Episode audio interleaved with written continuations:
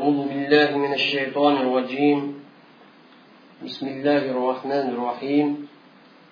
الحمد لله والصلاة والسلام على رسول الله وآله وصحبه ومن اهتدى وبعد.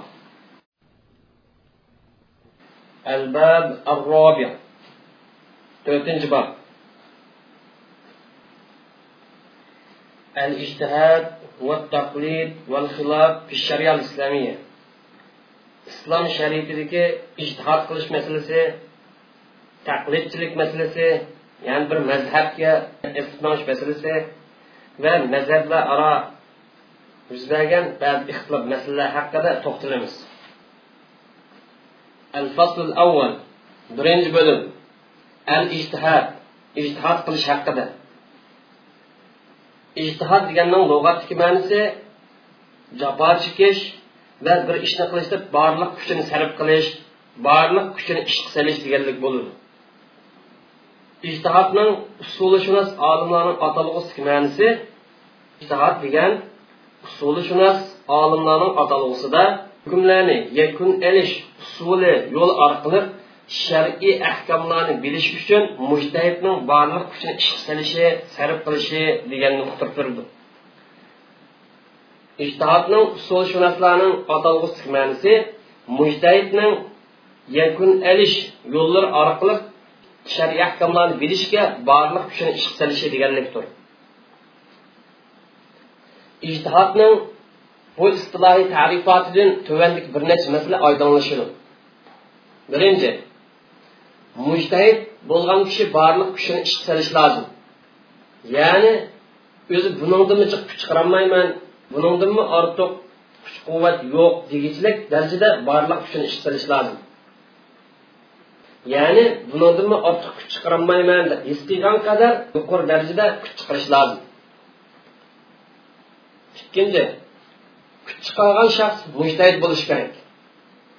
Ammo mujtahiddan boshqadan har qancha badal to'lsinmi har qancha jafo cheksinmi kuch chiqarsinmi uning so'zini uning ishlarini ibratga olmaymiz. Chunki uning ijtihod qilish salohiyati yo'q ijtihod degan ijtihod qilish salohiyati topilgan odamdan sodir bo'lsa qabul qilindi uchinchi mujtahiddan sodir bo'layotgan bu kuch amaliy shar'iy ahkomlarni bilishga markazlashgan bo'lishi kerak mujtahiddan sodir bo'layotgan bu kuch faqatlam amaliy shar'iy ahkomlarni bilish bilan markazlashgan bo'lishi kerak amaliy shar'iy ahkomdan boshqa aqida ahkomlari axloq ahkomlari deganga o'xshash ahkomlarni bilishga tortilgan bo'lsa buni ijtihod demaymiz ijtihod faqat amaliy ahkomlar bo'ldi shuning uchun tilga aloqador ahkomlarni yoki aqliy ahkomlarni yoki hissiy ahkomlarni bilish uchun chiqarganlik usulishunos olimlarning nazarida ijtihod deb atalmaydi to'rtinchi shar'iy ahkomlarni bilish masalasi yakun elish yo'li orqali bo'lishi lozim.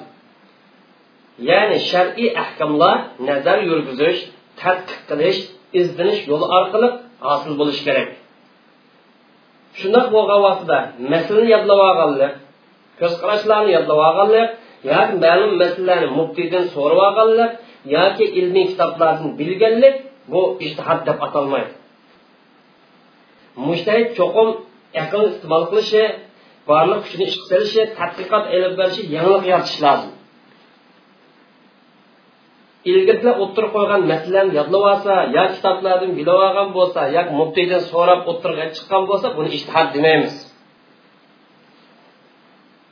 Mushtahid degan kim? Ijtihodni tonishtirish orqali mushtahidning kim ekanligini bilish mumkin. Mushtahid deganimiz ijtihod qilish salohiyati ijtihod qilish iqtidori topildigan kishini mushtahid deymiz. Mulka degan iqtidor ma'nosida. Ya'ni insonlarning kundalik hayoti aloqador amaliyat yuz beradigan amaliyat qilinadigan kuch chiqarilgan jafo chekilgan amaliy shar'iy ahkomlarni tafsiliy dalil pokitlardan yakunlash iqtidori topilgan odamni mushtahid deymiz. Bu shaxs usulshunos olimlarning nazarida faqih. Mulla deb ataladi faqih deb ataladi shuning uchun bir odam tadqiqot ilib bormay nazar yurgizmay yakun chiqolmay shar'iy ahkomlarni yodlash yo'l orqali bilgan bo'lsa yoki boshqalarning ta'lim berish orqali bilgan bo'lsa yoki kitoblardan o'rgangan bo'lsa yoki olimlarning og'zidan anglab bilgan bo'lsa bu shaxsni mujtahid demaymiz yoki taqihmi demaymiz.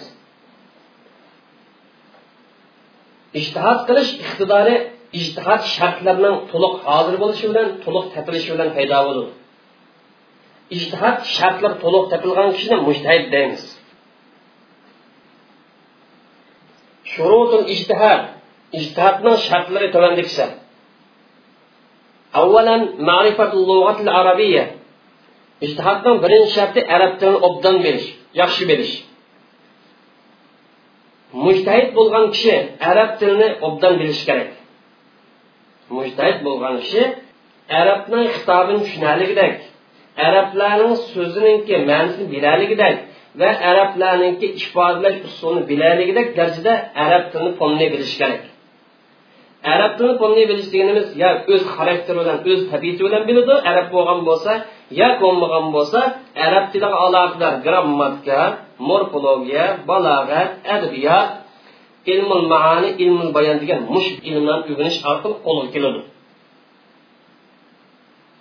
Mujtahid uchun arab tilini o'rganish zarur chunki shariatning nususlari nusus deganimiz oyat kalima yoki hadis sharif arab tili bilan kelgan. Shuning uchun arab tilini yaxshi bilmay qolib qolsa shar'iy nususlarni tushunish va uningdan hukm olish mumkin emas. Bo'libmi qur'oni karim va sunnat rasulullohniki nusus tekstlari nihoyatda jonliq holatda ro'shan holatda aniq holatda kelgan.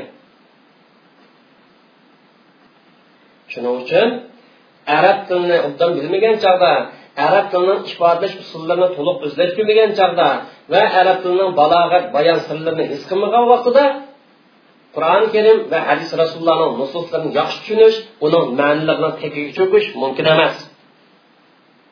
Shundoq qur'on sunnatning so'zlarining iboratlarining nimani ishorat qilganligini bilish mumkin emas. Mushtahid odam arab tilini bilish qancha usti bo'lsa nususlarni tushunish bo'lgan iqtidori va bu nususlarning yaqin va yiroq mazmunlarini his qilishga bo'lgan iqtidori shuncha oshadi. Lekin bu deganlik mujtahid bo'lgan kishi arab tilini arab tilining pishvolari arab tilidagi donli shaxslarga o'xshash bilishi lozim deganlik chiqmaydi. Ya'ni mujtahid bo'lgan kishi arab tilini sibiyga o'xshash yoki ibn jiniga o'xshash bilishi lozim deganlik chiqmaydi. mujtahid bo'lgan kishi arab tilini shar'iy nususlarni sog'lom tushunarlikdek va undan yakun aloligidek darajada tushunsa kifoya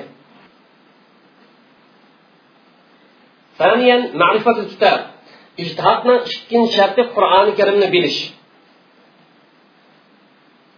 mujtahidga ketarlik bo'lgan ijtihodning shartlarining ikkinchisi qur'oni karimni bilishdir kitob yoki qur'oni karim ma'nosida chunki qur'oni karim dalillarning asosi har qanday dalilning manbasi shuning uchun mujtahid bo'lgan kishi qur'oni karimning oyatlarining hammasini ixcham holat bilishi kerak.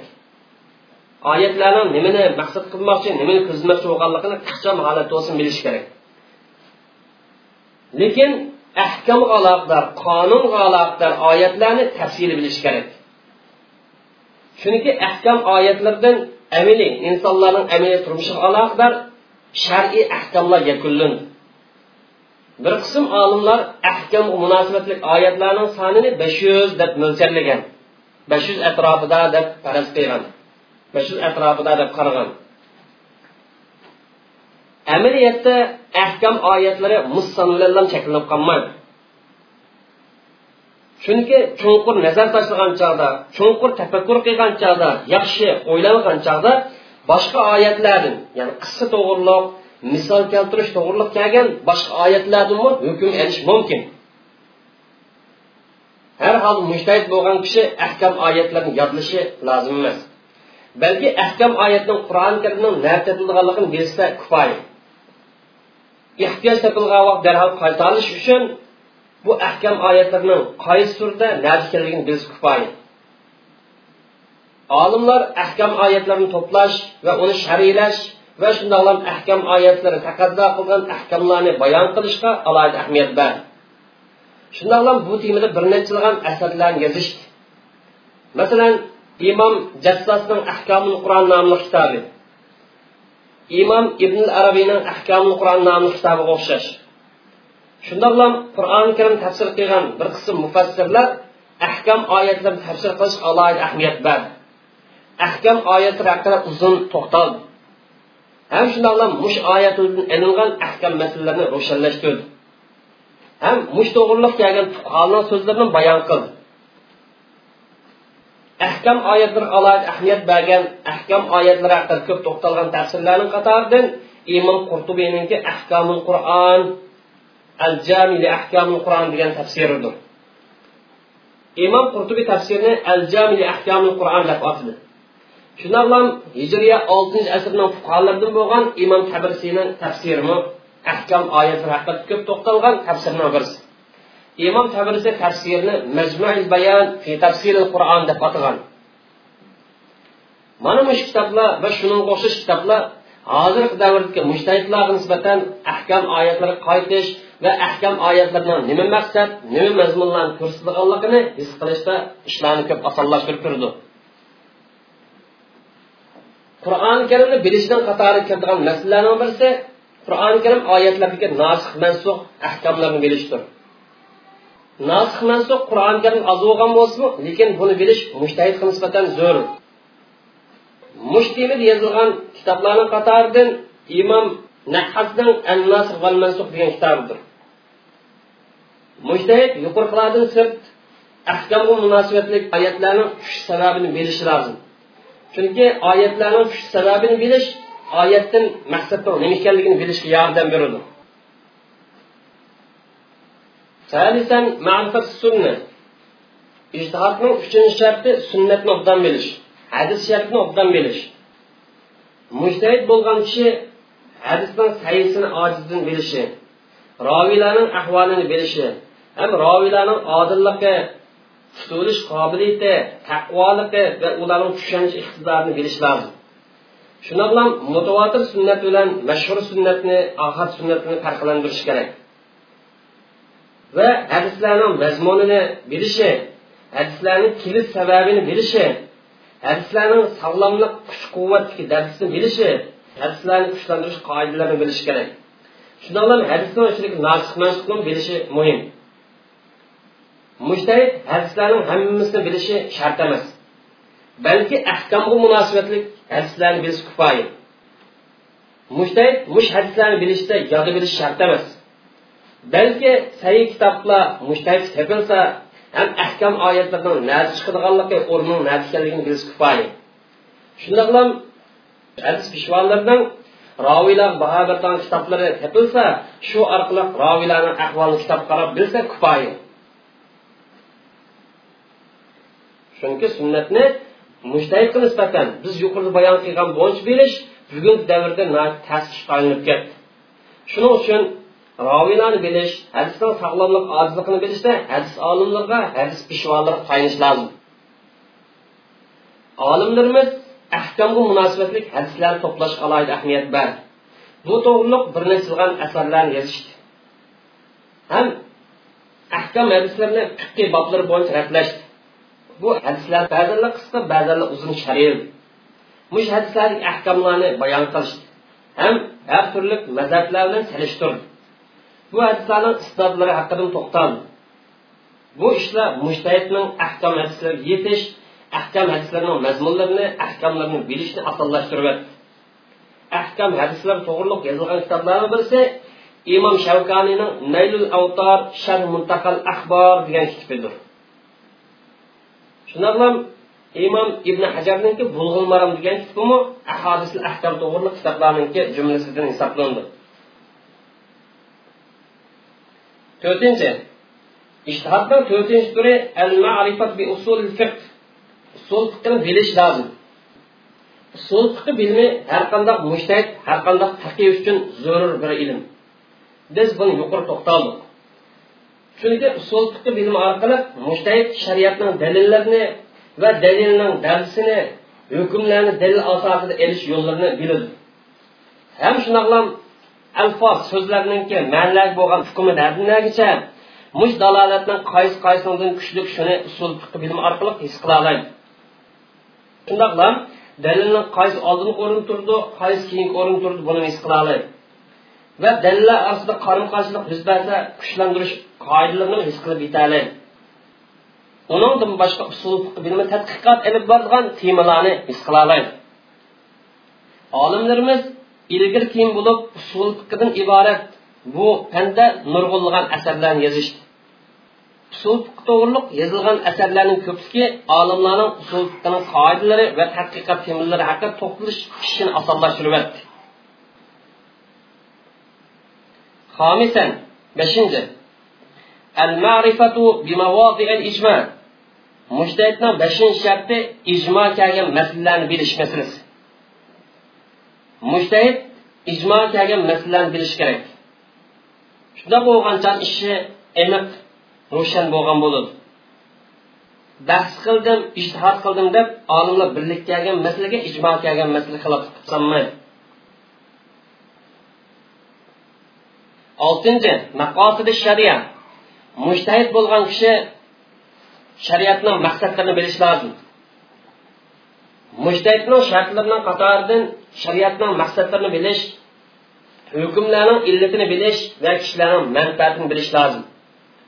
Shundoq bo'lgan vaqtda shariat nas keltirmagan dalil keltirmagan ahkomlarni qiyos yo'li orqali yakunlayalaydi yoki manfaat asosida hukm ola oladi yoki manfaat asosida va kishilar muomala ishlarida ko'ngan urf odat asosida hukm ola oladi va ularning manfaatlarini amaliy ishga oshirib bera oladi shuning uchun kishilarning manfaatiga rioya qilish va kishilarning manfaat asosida hukm ilishni hukm yakunlashning jumlasidan kishilarning urf odatini bilish lozimdir chunki kishilarning urf odatiga rioya qilganlik kishilarning yo'lliq qonunliq manfaatiga rioya qilganlikdir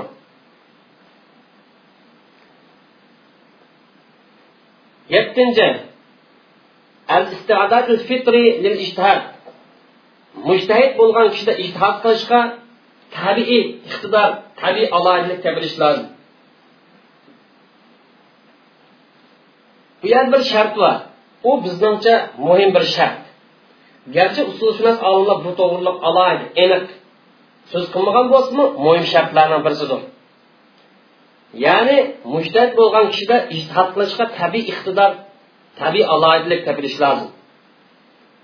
Ya'ni bu deganlik masalani chunqur o'ylash bilan birlikda zehnining sofligi o'tkir nazrning boy ekanligi masalani yaxshi tushunadiganligi ham ziraklik bilan birlikda fiqqa tushanish bo'lishi kerak. Masalani his qilish oydinlashtirish berish tushanish bo'lishi lozim. Mushtahid bo'lmoqchi bo'lgan kishida mush tabiiy tayyorlab topilmaydi ekan bu odam mujtahid bo'lolmaydi garchi biz yuqorida bayon qilgan ishtihodning barliq qoidalarini bilgan taqdirda mushtahid bo'lolmaydi chunki mushtahidda ishtihod qilish tabiiy iqtidor layoqat topilmaydi ekan bu odamni mushtahid qilolmaydi. Mushtahid bo'lolmaydi bu bizning so'zimiz g'arib so'z emas yot so'z emas. Bizning dilimizda yotlik yo'q g'ariblik yo'q.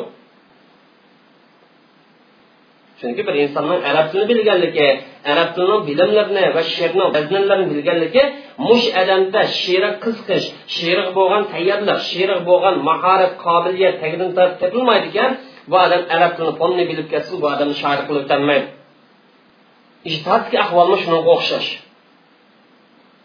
Cho'ng cho'ng mujtahidlar ijtihod ilmlarini bilish ijtihodning vositalarini bilish ijtihodniki omillarini bilishda boshqalarni yuqori emas.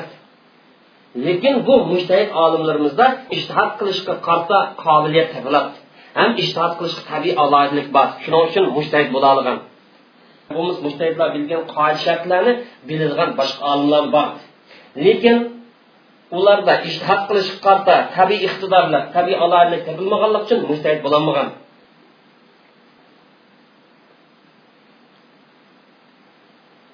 ما يجوز الاجتهاد فيه وما لا يجوز qaysi ishlar ishtihod qilsa bo'ladi va qaysi ishlarni ishtihod qilsa bo'lmaydi shariy ahkomlarning hammasi ishtihod qilishning o'rni bo'lishi yarmaydi shariy ahkomlarning hammasi ishtihod qilishga yaramaydi shariy ahkomlarning hammasi ishtihod qilishning o'rnidagi ishlar emas shuning uchun ba'zi usulshunos olimlar mundoq degan Ijtihod qilinmoqchi bo'lgan tema qat'iy dalil kelmagan qat'iy hukm bilan isbotlanmagan shariy hukmni hammasi degan. Ijtihod qilingan masala qat'iy dalolat yo'q qat'iy ko'rsatmasi yo'q kaskinlik yo'q ya'ni banni taraf bilan isbotlangan shar'iy hukmdor degan. Ya'ni qat'iy dalil bor kaskin dalil va shariy ahkomlar kelsak ijtihodni ixtilofni qabul qilmaydi. Masalan namozning vojib bo'lishi ramazonning vojib bo'lishi zinoni haromligiga o'xshash savobit masalalar kaskin masalalar shariatning prinsipal masalalari ishtihod qilishni qabul qilmaydi. Va shunga o'xshashdan kaskin kelgan ishlar islom ummat ichida hammalar to'siq bo'lgan ishlar ham shunaqa johil bilan olim bilan hammalar bilib ketgan ishlar ishtihod bo'ysunmaydi ham shariat kaskin maskanlagan ahkamlar kelsak bu ahkamlarda zanniyat subut isbotlanishi ehtimoliy bo'lgan yoki dalolat jihatdan ehtimoliy bo'lgan naslar kelgan ahkamlar kelsak ijtihod mana shu yer bo'ladi. Zanniyat subut hadis sharif maqsad. Yani isbotlanish gumoniy ehtimoliy deganimiz hadis maqsad qur'oni karimni hammasi qat'iydir ammo zaniyat dalolatga dalolatni ehtimoliy bo'lishi deganimiz bu qur'oni karimni oyatlarida ham hadis sharifda o'xshashdan topiladi dalolatning ehtimoliy bo'lishi har ishkilisida bor. Endi nas zanniyat subut. Isbotlanish ehtimoli yo'q qolsa bu sunnat bilan yuz berdi qur'oni karim yuz bermaydi shuning uchun mujtahid bu masalada nasni isbotlanish miqdori haqida mush naslan sanatdan sog'lom bo'l sog'lom bo'lmaslikda mushni roviylarga ishonish ishonmaslik ko'ngil to'xtatish ko'ngil to'xtatmaslik masalasi haqida izlanish lozim. Va shunga o'xshash nazar yurgizish tadqiqot qilish aloqador temalarda izlanish olib berish lozim. Mushtahidlar bu yuqorgi masalalarda o'zaro ixtilof qilishadi. Chunki bir hadis bir mushtahidni nazarda sayyor deb qaralsa yana bir mushtahidni nazarda sayyor deb isbotlanmaydi. Shuning uchun yana bir mushtahid tarafdan bu hadis amal qilinmay qoladi. Ammo dalolati zanniy bo'lgan ahkamlar dalolati kuchlik ehtimollarni qabul qilgan kuchlik ehtimollarni ko'targan ahkamni kelsak zannidan maqsad yetmish sakson persent ehtimollar bu masala ijtihod qilish shu ahkamlarga mazmunni echib berishni maqsad qiladi. Ya'ni so'zning ma'naviy bo'lgan dalolat kuch quvvat qanchalik bu dalilniki mush hukmning yana bir hukmdan bo'lgan kuchli ehtimollikka qandoq degan mush masala haqida bahs qildi ammo dalolati kuchli ehtimollik bo'lgan ahkamlar kelsak mushu ahkamlar ijtihod masalasi shu ahkamlarni ma'nan ashbirishni maqsad qildi qandoq ashbirdi desa so'zning dalolat kuch quvvatiga qaraydi so'zningki ma'noni ifodalab berishlik kuch quvvatiga ham bu dalolatning yana bir dalolatning kuchlilik tarafini bilish orqali ma'noni ish berishni maqsad qildi.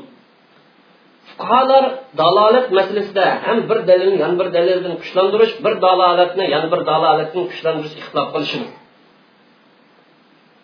garchi hammaylar so'zlarning dalolati va bir dalil yana bir dalilni kuchlantirishdan iborat umum qoidada o'rtoq kelgan bo'lsinmi lekin ba'zi masalalarda ixtilof qilishadi balki mushu umum qoida va bir qism o'lcham masalalardan ixtilof qilishadi shu sababdan yakun erish hukm erish ixtilof kengayib ketadi.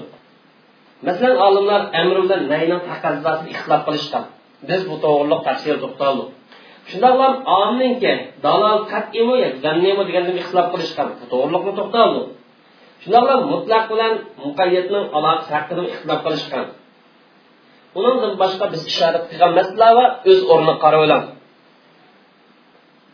bilan shariatdan naskanmagan masalalar ishlab qilish bo'ladi mujtahid qiyos va qiyosdan boshqa shariatning boshqa dalillar tayanib hukm oladi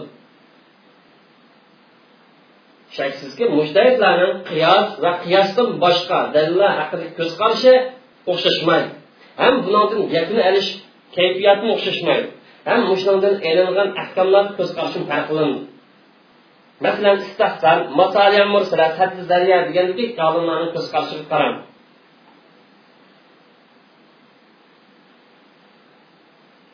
Al ijtihad la yataqayyad biz zaman wal-makan ijtihad ma'lum davr va ma'lum makonga cheklanib qolmaydi. Ijtihod har qandaq davr har qandaq makonda umumiydir joriydir ijtihodni vaqt zamon cheklayolmaydi. Ya'ni ijtihod ma'lum vaqt yoki ma'lum o'rin xos emas.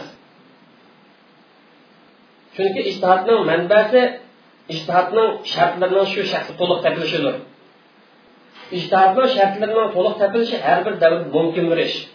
Shuning uchun ijtihodni bir davrga cheklab qo'yish to'g'ri emas. Chunki allohning fazli kang ilgirgilar bilan cheklanib qolmaydi keyingilarni tashlab qo'ymaydi olimlarimiz har qanday bir davr kishilar orasida kishilarga shar'iy ahkomlarni bayon qilib turadigan mushtahidning bo'lishidan xoli bo'lib qolsa to'g'ri emas degan. Ham ba'zi olimlarimiz ijtihod darvoza taqoldi degan gapning manbasi sababi nodon odamlarning va ijtihodni davo qilgan odamlarning shariat bilan o'ynashishiga qartilgan gap. Bu olimlarimizning so'zi ahli ilmlar qartilgan emas ijtihod egillar qartilgan emas balki ijtihodni davo qildigan chala va shariat bilan o'ynashadigan nodon adamlar tortilgan gap. Shuning asosan ijtihod qiyomat kun qadar davomlashadi. Ijtihod hammalar uchun yo'lliq ish ya'ni shart topilgan odamni hammasi uchun ochiq ish. Bir sharti shu odam ijtihod usullari va ijtihodning shartlari to'liq topilishi lozim ijtihod darsiga va ijtihoddan iborat bu ulug' mansabga mushtahid odamlardan boshqasi o'rilganmaydi mush ijtihod darsiga ketgan odamlar haqiqatan ijtihod egallardir. Ijtihod salohiyati bor odamlardir. Unda bo'lgan ijtihod deganimiz muayyan bir toifaga cheklanib qolgan ish emas. Yo muayyan bir avlodga cheklanib qolgan ish emas. Yo muayyan bir shaharga yo muayyan bir davrga xos ish emas. Ijtihod har qanday xalqqa shart tepilsa mubosh yo'lliq ish. Balki vojib farz ish. Chunki allohning shariati barliq xalqlar uchun yo'l qo'yilgan. Allohning bandlarining hammasi allohning ahkomlarini tafakkur qilishi shariatning ahkomlarini tushunish vojib. Alloh taolo qur'oni karimda bu insonlar qur'oni karimni o'ylanmamdi tafakkur qilmamdi yoki bularni qalbida qulub bormi degan. Demak tafakkur qilish o'ylanish hamma mo'minlarga qaratilgan ishtihod bilim ma'rifat darsdan eng yuqori darsidir ilm hammanglar uchun ochiq ish hammanglar uchun muboh ish. Balki shariat ilm fanga bilimlik bo'lishga tashabbus qildi. Bilim egalari madinadi ilm fanni taxmi ko'p ilishga buyurdi. Kishilar davomli vaqul robbi zidni ilma. Ey parvardigorimiz ilmimizni ziyorat qilsa deb duo qilishga ta'lim berdi o'rgatdi hukmul ijtihod ijtihodning hukmi haqida. Ijtihod ijtihodga layoq to'shgan kishilarga nisbatan farz vojib. Ya'ni ijtihod qilish iqtidor topilgan kishilarga ijtihod qilish sababi topilgan kishilarga nisbatan farzdir. Mushtahid dalil faktlar nazar yurgizish va tadqiq qilish orqali shariy hukmga yetishi lozim mushtahidning ijtihod qilish yetgan ko'z qarashi mushtahid haqida shariy hukmni shu mushtahidning ijtihodi yetgan hukmi shariy hukm shu mushu hukmga agish vojib mushtahid ijtihod qilish orqali bir yakuniga yetgan bo'lsa boshqalarga agishib o'z ko'z qarashini tashlash to'g'ri emas. Chunki mujtahid ijtihod to'g'ri qilgan bo'lsa ishga savob berishini. Agar ishtihod xatolashgan bo'lsa to'g'ri qilaman deb to'g'ri niyat bilan barliq usul choralarni ishlatib xatolashgan bo'lsa yana ham bir savob berishidir. Payg'ambar alayhissalom bu to'g'risida bundoq degan hokim mujtahid ishtihod qilsa ishtihod qilib to'g'ri qilsa ikki savob berishidi xatolashgan bo'lsa bir savob berishidi degan to'g'ri qilib qolsa ikki savob bor deganimiz birisi ishtihod qilganlikning savobi yana birisi to'g'ri qilganlikning savobi xatolashib qolib qolsa ishtihod qilganlikning savobi kirishaverdi تغير الاجتهاد ونقضه ishtihodning o'zgarishi va ishtihodning amaldan qilishi haqida ijtihodning asosi shar'iy hukm yetishda nazar yurgizish kuch chiqarish barliq kuchini ish qilish deganlikdir. Agar mujtahid bir masala tadqiqot ilib borsa mush masala chunqur nazar yurgizsa barliq kuchini ish qilsa oxiri mush masalada bir hukm yetgan bo'lsa mush hukm mujtahid haqida vojib. Ya'ni mushtahidning shu hukm bo'yicha ish qilish vojib. Mushtahid mush bo'yicha fatvo berdi. Lekin mushtahidning mush masalaga ijtihodi ko'z qarashi o'zgargan bo'lsa mushtahid yangi ijtihod bo'yicha amal qilish lozim. Dastlab so'zini qoldirish lozim. Ya'ni mushtahid odam ijtihodi o'zgarish bo'lib dastlab degan gapidan yansa bo'lib dastlab degan gapidan yansa bo'lib. Chunki ijtihodning asos dalil demak mushtahid dalil qachon qo'l keltira olsa qachon topa olsa dalilning taqozzosini ilish vojib. Chunki taqimni to'g'riga haqiqat boshlaydigan yana bir dalil ko'ringanligi uchun ikkinchi ko'z qarashga yo keyin chiqargan ijtihod bo'yicha minish vojibdir. Agar mushtahid qozi bo'lgan bo'lsa hokim bo'lgan bo'lsa bir masalada ijtihod bo'yicha hukm chiqargan bo'lsa u vaqtda bu qoziniki bu ijtihodini buzilishi to'g'ri emas. Ya'ni qado soatida sud soatida mahkama soatida chiqarilgan hukmni busi bo'lmaydi. Ya'ni amal qilib ketaver. Chunki shar'iy qoida ijtihod o'ziga o'xshash ijtihod bilan buzilmaydi degan qoida bor. Lekin shu mujtahidni o'ziga shu qozini o'ziga shu hokimni o'ziga dastlab o'xshash yana bir masala tanlansa mujtahid mush masala boshqa ko'z qarash bo'lsa yangi ijtihodi bilan yangi masala yangicha hukm chiqarish bo'ladi. Ammo dastlab boshqa hukm chiqarilgan masala buzilmaydi. Ya'ni dastlab hukm chiqarib bo'lgan ish qayta hukm chiqarish ketmaydi ya'ni dastlab hukm chiqarib bo'lgan masalaga yangi ko'z qarash bilan yoki yangi fikr bilan hukm qilish ketmaydi balki ilgari hukmlar ketaverdi. Yana bu deganlik mushtahid qozini ilgari chiqargan hukmlari ilgari chiqargan sudlari musulmon qozi foydalanmaydi deganlikdir. Ya'ni ilgari chiqargan hukmlari davomlashaverdi ham ishtihod qilgan bo'lsa yangi ko'zqarash bilan yangi ishtihodidan hukm chiqardi deganlikdir mana islomda qozilarni ish harakati shunaqa dalil misol oladigan bo'lsak umr ibn hattob roziyallohu anhu merosda cheklash masalasida ota onaning bolalari meros kelmaydi deb hukm chiqargan. Ya'ni ona taraf yo dod tarafdan bo'lgan qarindoshlarga meros bermaymiz deb hukm qilgan bir mezgildan keyin mush masalani o'zi yana qayta o'ttirib tashlangan vaqtida ota onaning bolalari onaning bolalaridan ya'ni bir qo'saq aka inlar bilan bir qo'saq bo'lmagan aka inlar urug' tuqqanlar ota singillar meros oladi deb hukm chiqargan. Dastlabki hukmni dastlab sudni qabul qilgan kishilar e'tiroz bildirgan vaqtida a hukmni o'z vaqtida hukm chiqargan. Mani bugun hukm chiqardi mana mush bo'yicha manga emas degan ilgari ketaverdi ma u bugun chiqardigan hukmimiz degan edi. Endi ishtihod kaskin xilaf kelgan bo'lsa bu ishtihod amaldan qoladi. Bu ishtihodni e'tibor olmaymiz. Chunki amaliyat ishtihod emas. Ijtihod kaskin nasga kaskin hukmga qarshi kelmaslik kerak. Mana bu olimlarning la ishtihadi maan nas degan gapini dal ma'nosi shu. Nas boyada kaskin hukm boya ijtihod qilish to'g'ri emas degan gapini mazmuni shu.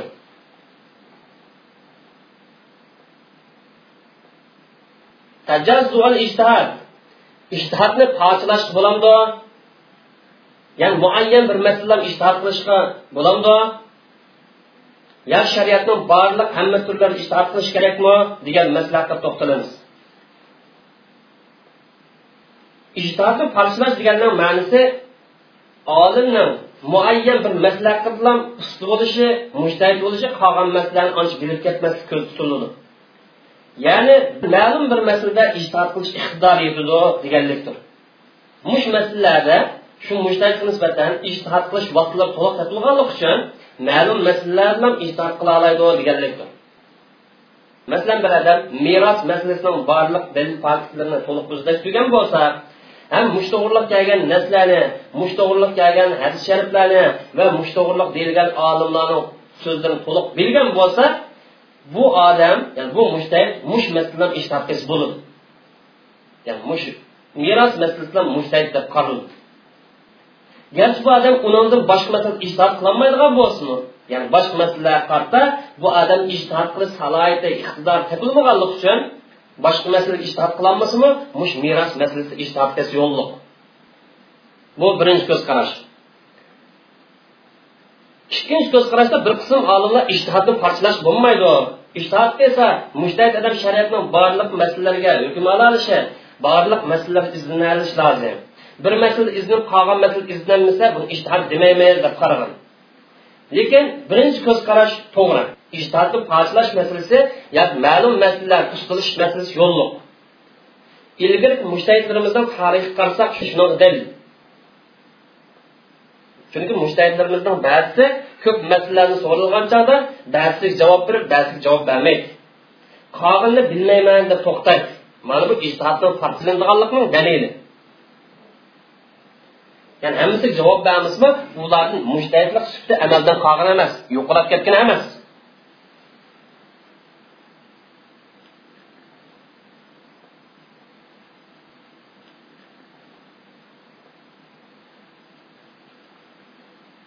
الفصل الثاني ikkinchi bo'lim at-taqlid agishish do'rash haqida taqlidning lug'atdagi ma'nosi inson boshqalar asib qo'ygan gilobkidan ilingan taqlidni isloh ma'nosi haqida imom g'azzoliy tunishtirib mundoq degan taqlid deganimiz boshqalarning so'zini dalilsiz pokisiz hujjatsiz qabul qilish degan boshqalar tunishtirib taqlid deganimiz so'zi hujjat bo'lish yaramaydigan bir so'z bilan amal qilganlikdir degan. Taqlid deganimiz so'zi hujjat deb qaralmagan yo dalili bayon qilinmagan bir so'z bilan amal qilishdir degan. Boshqalar taqlidni tunishtirib bir odamninki gapini nadan olganligini nimaga asosan deganligini bilmay turib qabul qilish deb tunishtirgan tunishtirishlardan xulosalash mumkinki taqlid deganimiz boshqalarning ko'z qarashini dalilini bilmay qabul qilishdir. Boshqalarning dalilini kuch quvvatini his qilmay qabul qilishdir deganlikdir. Mushu tunishtirishlardan shuni xulosalash mumkinki taqlid deganning ma'nosi boshqalarning dalilini bilmay turib dalilni kuch quvvatini bilmay turib boshqalarning ko'z qarashini qabul qilish deganlikdir. Masalan bir odam ayb topilganlik uchun nikohni buzmasi durust degan ko'z qarashni olgan bo'lsa nimaga asosan falon mushtahid mush dedi degan ko'z qarashini ilib u mushtahidni nimaga asosan dedi mush dalil sog'lommi sog'lommas uni bilmay qubul qilgan bo'lsa buni taqlid deb ataymiz. Mazhabga agishish mazhabni tutib deb ataymiz.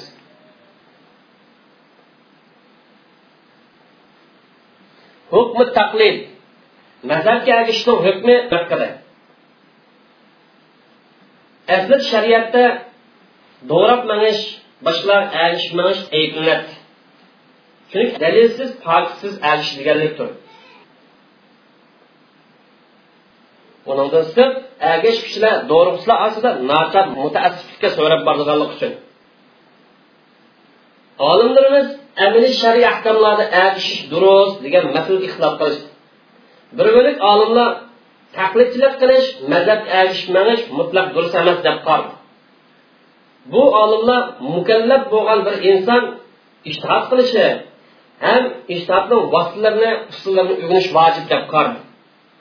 Yana bir turli olimlar ijtihod qila oladigan odam va ijtihod qilolmaydigan odammi olimni agasi bo'ladi deb qarashdi.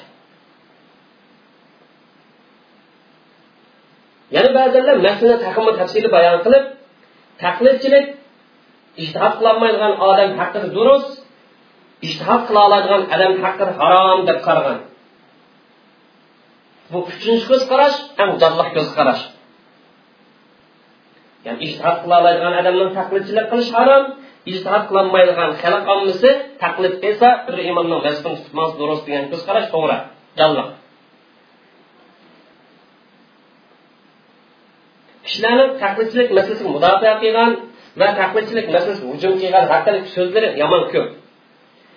Mush masalada ikki taraf orasidagi husumat va jidal majra yomon og'ir menimcha mening qaraydiganim masala bak oddiy masala ro'shan masala. Mazhab agishmamdiq agishmamdiq deb talash tortish qilish va munozir qilishning hech qanday hojati yo'q. Chunki har qanday bir mukallaf bo'lgan insondan talab qilingan masala alloh allohni rasuliga itoat qilishdir shariatning ko'plagan nususlari qaraydigan bo'lsak buning dalil poki shu masalan alloh taolo qur'oni karimda va rasul laallakum turhamun. Alloh allohning rasuliga itoat qilinglar shundoq qilsa allohning rahmatiga erishsizlar degan yana alloh taolo rasul anhu payg'ambar sizlar nima buyurgan bo'lsa shuni tutmanglar nimadan to'sqan bo'lsa shunidan yeninglar degan yana alloh taolo fala robbika la yu'minuna hatta yuhakkimuka fima shajara baynahum ثم لا يجدوا في أنفسهم حرجا مما قضيت ويسلموا تسليما parvardigoringlar qasamki bu musulmonlar mo'minlar o'z orsiz ixtilof bo'lgan jidal majro bo'lgan bilinmagan masalalar sizni hokim o'rniga chiqmoqcha sening gaping tutib ularni mo'min hisoblamaymiz Sen hukm chiqargancha qalbida hech qanday g'um his qilmaslik kerak qalbin norozilik e'tirozlik mavjud bo'lmaslik kerak tamoman taslim bo'lish kerak shu vaqtda mo'min bo'la oladi degan yana alloh taolo parvardigoringlar tarafdan tushirilgan ahkomlarga erishinglar degan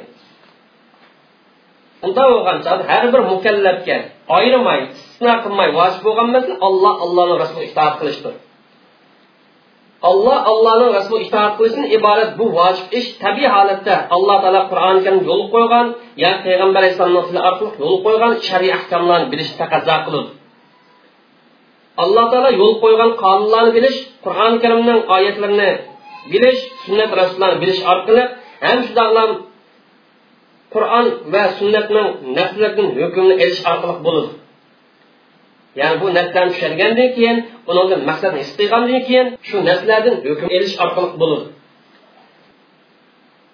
agar mukallaf bo'lgan inson bu shariatning nususlaridan hukmni aniq topolmasa shariat buyurgandek ijtihod qilish bo'ladi ya'ni shariat doirasi ichida shariatning umum prinsipal masalalari asosida shariatning maqsadi asosida shariatning mazmun ro'yi asosida ijtihod qilish bo'ladi mana bu shariy ahkomlarni bilishning eng to'g'ri yo'li shu. Lekin mush yo'lni menish ma'lum darsi ma'rifatning bo'lishi bilimning bo'lishini taqozo qiladi bu bilim shaxsning ahvoli shaxsning ilmi qarta oz ko'p bo'ladi ya'ni yuqori ijtihod qilish darsiga layoqatlashtiradigan darsga yetish uchun shaxsning ahvoli va shaxsning ilmi qarta oz ko'p bo'ladi agar mukallaf bo'lgan inson ijtihod qilish yo'li orqali shariy hukmlarni bilishdan ojiz kelsa bu odam alloh taolo buyurgandek amal qilsin.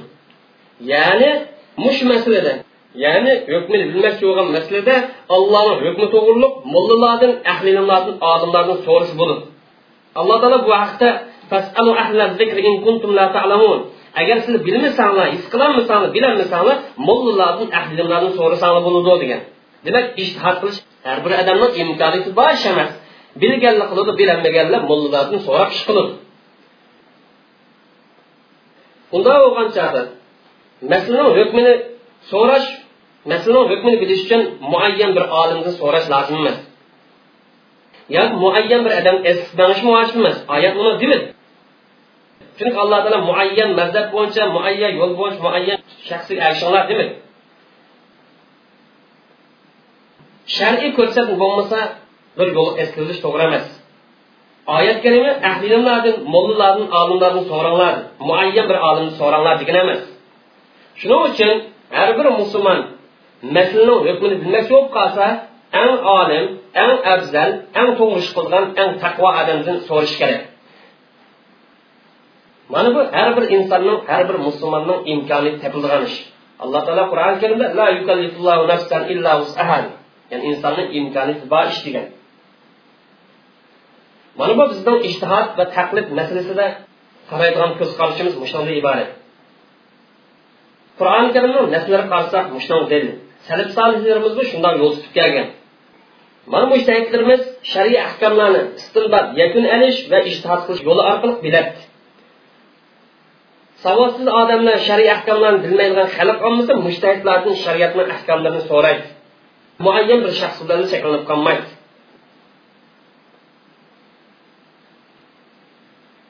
Taqlidul mazay mazhablarga ergishish mazhablarni yo'ldan tutib manish masalasi islomiy mazhablar fiqqiy madrislardan fiqqiy aqmlardan iborat. Islomiy mazhablar ahli sunnat va islomiy mazhablar shu mazhabni shakllantiruvchilarning ismi bilan tanildi mazhab peshvolari buyuk mushtahidlardir bularning hammasi olim mushtahid qilib salohiyat topilgan o'zi yaxshi ham taqvo odamlar. Islomiy mazhablarning ichida shu mazhabni shakllantiruvchilarning o'lib ketishi bilan mazhablar yo'qolib ketgan mazhablar bor. Bu mazhablarniki ko'z qarash ba'zi fikrlari faqat fiqiy bilan topildi amaliyotda reallikda bularni tutib manadigan odamlar yo'q. Izi uchab ketgan mazhabning qatoridan imom avzoiyning mazhabi imom sufyan savriy va boshqalarning mazhabidir. Bugun qadar mavjud bo'lib turayotgan va atbolari ergashguchilari bor ham mush fuqarolarning mo'llalarining so'zini hikoya qilib turadigan kitoblar bor mazhablarga kelsak mush mazhablar ersh durustmi durust emasmi degan masalaga to'xtalamiz.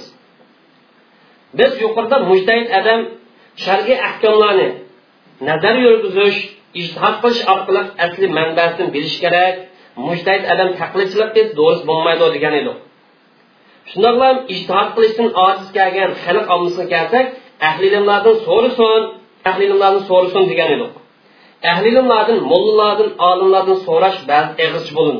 Ba'zida shularning kitoblari qarash orqali bo'ladi ya'ni ba'zida shularning so'zlarini hikoya qilib turadigan ham ularning so'zlarini to'g'ri yo'tkab turadigan ishonchli kitoblarga qarash orqali bo'ladi shunga asosan xalq ommasi islom jamiyatda to'nilgan ahli sunniy deb qaralgan tonishliq mazhablardan muayyan bir mazhabga erishmasa durust. Shuning asosan xalq ommasi islom jamiyati to'nilgan bizga to'g'ri yetib kelgan mazhablardan muayyan bir mazhabga agasi bo'ladi lekin biz mush masalada tuvandik masalalarni kallamizga keltirishimiz lozim. Birinchi islomiy mazhablarning hammasi shariatning nususlarini tushuntirib turadigan va mush nususlarning shariy ahkomlarni yakunlab turadigan fiqiy aqmlardir demak islomiy mazhablar shariy ahkomlarni bilish va yakun olishga fiqiy metoddan iborat. Islomiy mazhablar yangi shariat emas. Shundoqla bu islomiy mazhablar islomdan boshqa narsa emas. Ya'ni bularni tutib yo'limiz islom. Ikkinchi islom shariati islom shariati deganimiz qur'oni karim va sunnatning naslari hamma mazhabdan kam hech qanday mazhab qur'oni karim va sunnatning naslaridan cho'ng emas. Mazhab birinchi o'rinda emas nas birinchi o'rinda demakchi uchinchi islom shariati har qanday mazhab hujjat ya'ni har qanday mazhabni hujjat islom shariat har qanday bir mazhab islom shariat hujjat emas islom mazhablar hujjat bo'la oladi mazhablar islom hujjat bo'lolmaydi chunki ularni ba'zi ko'z qarashi to'g'ri ba'zi ko'z qarashi to'g'ri emas. Ammo islom sharif ma'sum mazhablarni ko'z qarashi hammasi ma'sum emas. To'rtinchi mush mazhablarga ergishishni to'g'ri qilib turadigan durust qilib turadigan sabab mush mazhablar ergash kuchlar shariatni ahkomlarini o'rgatadi deb qaraldi. Ya'ni qur'oni karim yo sunnatda kelgan allohni hukmini bizga tanishtirdi bildirdi deb qaraldi agar falon mazhabning mush masulda xatolashganligi bilinsa mush masaladagi eng to'g'ri ko'z qarash boshqa mazhab ekanligi bilinsa ham mush to'g'riliq aniq ro'shan holat ifodalansa mazhabga ergashgan odam mush masalaga kelgan o'z mazhabidan to'g'ri ko'zqarashli mazhabga yo'tkazsa durust ham yo'tkazish lozim. Ya'ni mutaassib qilib o'zini mazhabiga ko'z qarash ojiz bo'lsinmi? Xato bo'lsin shuning uchun turib olishi to'g'ri emas. Beshinchi muayyan bir mazhabga ergashgan odam ba'zi masalalarda boshqa mazhabga ergashmas durust chunki bir mazhabga ergashgan odam mush mazhabning borliq ishtihatini tutib mansun deydigan qoida yo'q. Bir masalada bir mazhabning ko'z qarashidan ikkinchi bir mazhabning ko'z qarashiga yo'tkalgan chog'da dalil asosida yo'tkalish lozim. Shundoq ham xalq ommasi muayyan bir masalada shar'iy hukm haqida so'ramoqchi bo'lib qolsa o'z mazhabidan boshqa qanday bir taqiy bo'lsa olim so'ramas bo'ldi ham boshqa mazhab olimninki taqvosi bilan amal qilsa durust bo'ladi yo'lliq bo'ladi to'g'ri bo'ladi. Oltinchi bir mazhabni tutmagan odam mazhabga qori bo'ladi mutaassib qilishdan ham ayblanadigan darajada mutaassib qilishdan o'zini poklash lozim. Chunki mazhablar islomni qarshilganlik emas. Ya'ni islomning bir qismi uningda yana bir qismi bu mazhab deganlik emas. Ham mazhablar islomni amaldan qoldiradigan din emas. Mazhab deganimiz shariatni tafsir qilib turadigan shariatni tushuntirib turadigan yo'linishdan iborat. Ham shariatni tushunib bo'ladigan eg'izdan iborat. Va shariatni tadqiq qilish izini tushunishning metodidan iborat. Hukm elishga yakun erishishga ilmiy usuldan iborat. Demak mazhablarning hammasi olloh tushirgan narsani bilishga olloh yo'l qo'ygan narsani bilishga tamshul ana shuni xohlaydi. Hammasi maqsadi islom. Yettinchi. Mazhablar orasida ixtilof bo'lgan bo'lsa hargiz ishimiz qilib qolsa bo'lmaydi.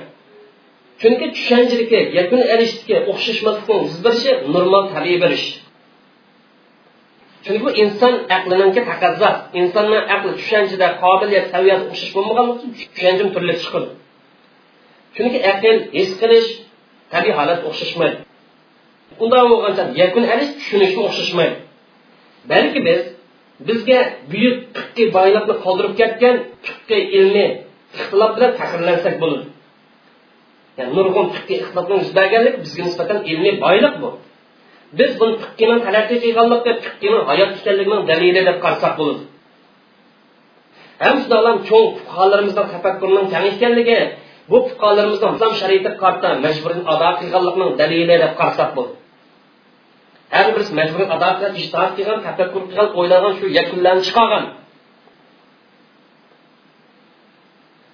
sakkizinchi oxiri shuni deymizki biz ahli sunnat va islomiy mazhablardagi mushtahidlarimizning qadrini bilishimiz lozim. Bu mushtahidlarimizni hurmatlashimiz lozim. Ularning ko'z qarashini olgancha adabli bo'lishimiz lozim. Ham ularga duo qilishimiz lozim. Agar bular to'g'ri qilgan bo'lsin yo xato qilgan bo'lsin savob erishidi savob oldi deb qarashimiz lozim. Biz alloh subhanava taolo o'rgatgandek bundoq qilishimiz kerak. Qur'oni karimda يقولون ربنا اغفر لنا ولإخواننا الذين سبقونا بالإيمان ولا تجعل في قلوبنا غلا للذين آمنوا ربنا إنك رؤوف رحيم bulardan keyin kelganlar ilgirkilar nima deydi ey parvardigorimiz bizning gunohimizni kechirgin bizdan ilgari iymon aytgan bizdan ilgari musulmon bo'lgan bizdan ilgari islom xizmat qilgan bizdan ilgari islom yo'lash berganlarning gunohini kechirgin bizning qalbimiz mo'minlarning qalbi adovat hasad paydo qilmagin san mehribon ko'yimchan zot deb deydi degan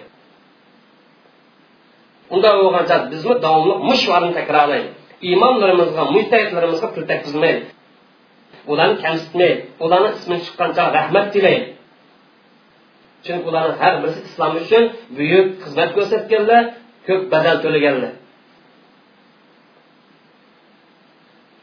وآخر دعوانا الحمد لله رب العالمين وصلى الله تعالى على خير خلقه أجمعين ربنا آتنا في الدنيا حسنة وفي الآخرة حسنة وقنا عذاب النار.